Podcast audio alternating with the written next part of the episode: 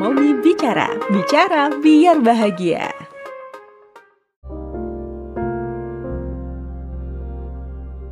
Ibu dan almarhum bapak selalu ngomongin hal ini ke saya dan adik saya, dan sekarang pun saya terapkan kepada anak-anak saya.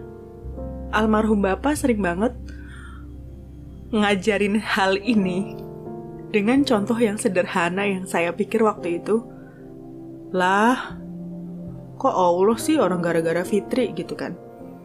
Kami lagi sama-sama nonton TV Terus almarhum bapak bilang, Ya Allah, saya haus. Saya pengen minum teh manis. Saya yang ada di dekat bapak denger dong.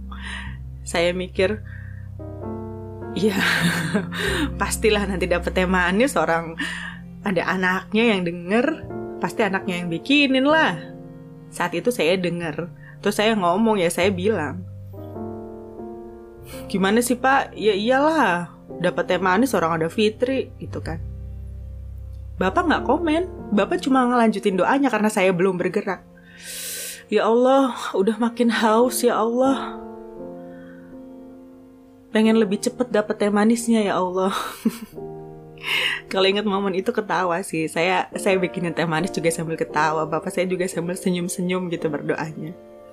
Terus ya udah karena bapak udah doa gitu jadi saya langsung ke uh, dapur bikinin teh manis. Terus ketika saya serahkan ke bapak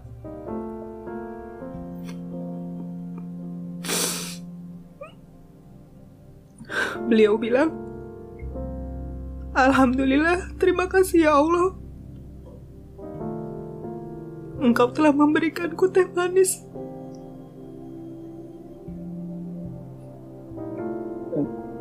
itu kalau dilogikain kan ya iyalah dikasih teh manis wajar aja pasti dikasih lah orang ada gue di situ tapi kalau Allah nggak mengizinkan. Kalau saat itu oleh Allah saya dibuat lumpuh tiba-tiba kalau saat itu tiba-tiba ada bencana gempa bumi atau whatever gitu ya kalau Allah nggak mengizinkan hal sesimpel itu pun nggak akan terjadi kan?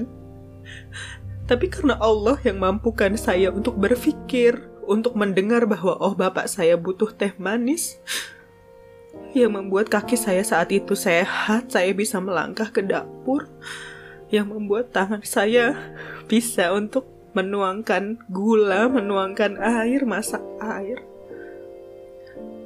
Hal itu sebenarnya karena Allah yang menjadikan.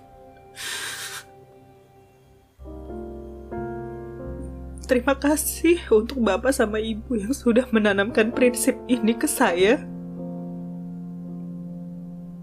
Mintanya sama Allah, apa pun itu, mintanya sama Allah